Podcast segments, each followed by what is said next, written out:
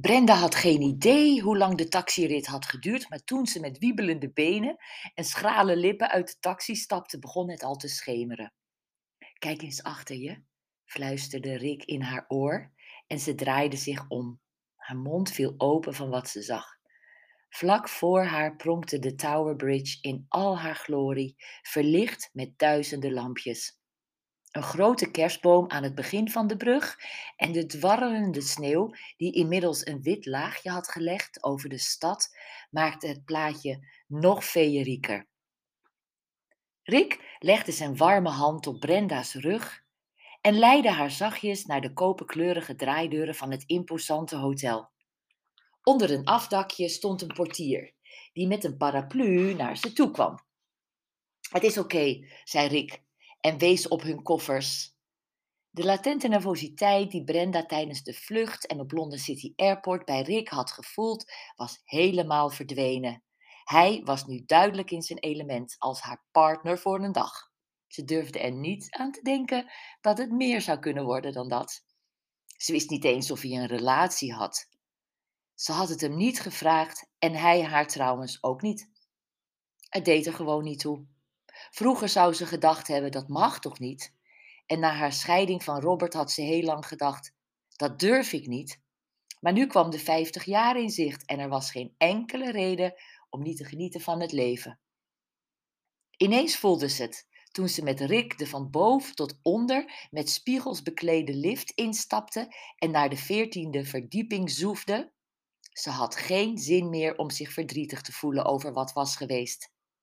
Ze had zin om te genieten van haar vrouw zijn, van een man en van het leven. Tada! Rick zwaaide de houten deur open en liet haar als eerste de kamer binnengaan. Wat ze zag benam haar de adem.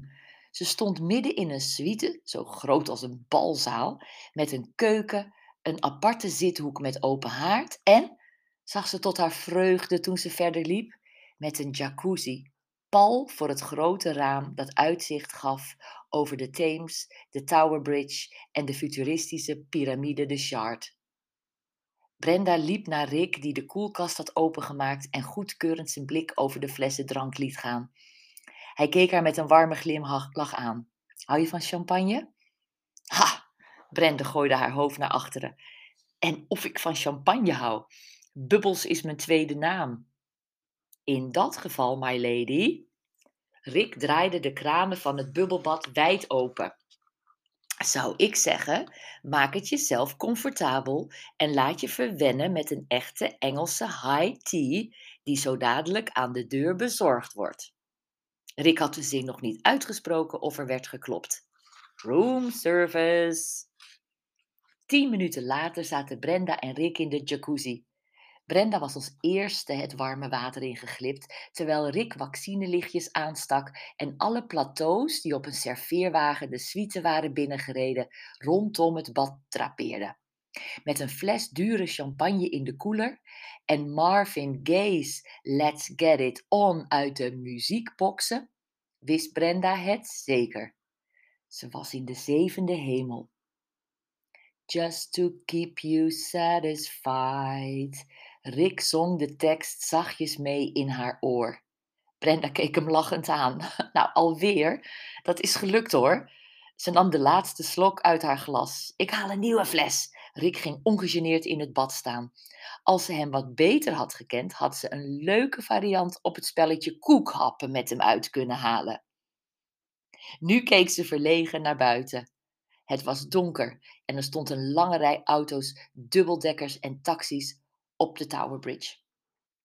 Ze wist niet hoe lang ze al in de jacuzzi hadden gezeten, maar het moest minstens anderhalf uur zijn. Rick had het water keer op keer bijgevuld en de bubbels in het bad en in haar glas hadden haar loom en rozen gemaakt. Rick kwam terug met een volle fles champagne. Wat er werd gezegd over een grote schoenmaat was waar. Dat had ze al gemerkt, maar zag ze nu in volle glorie. Brenda nam haar glas aan. Dank je. Weet jij trouwens hoe laat het is? Ja, ik heb net gekeken, antwoordde Rick. Wat denk je? Vijf uur, ze gokte maar wat. Ja, precies. Rick liet zich tot aan zijn schouders in het warme water glijden. Waarom vraag je het?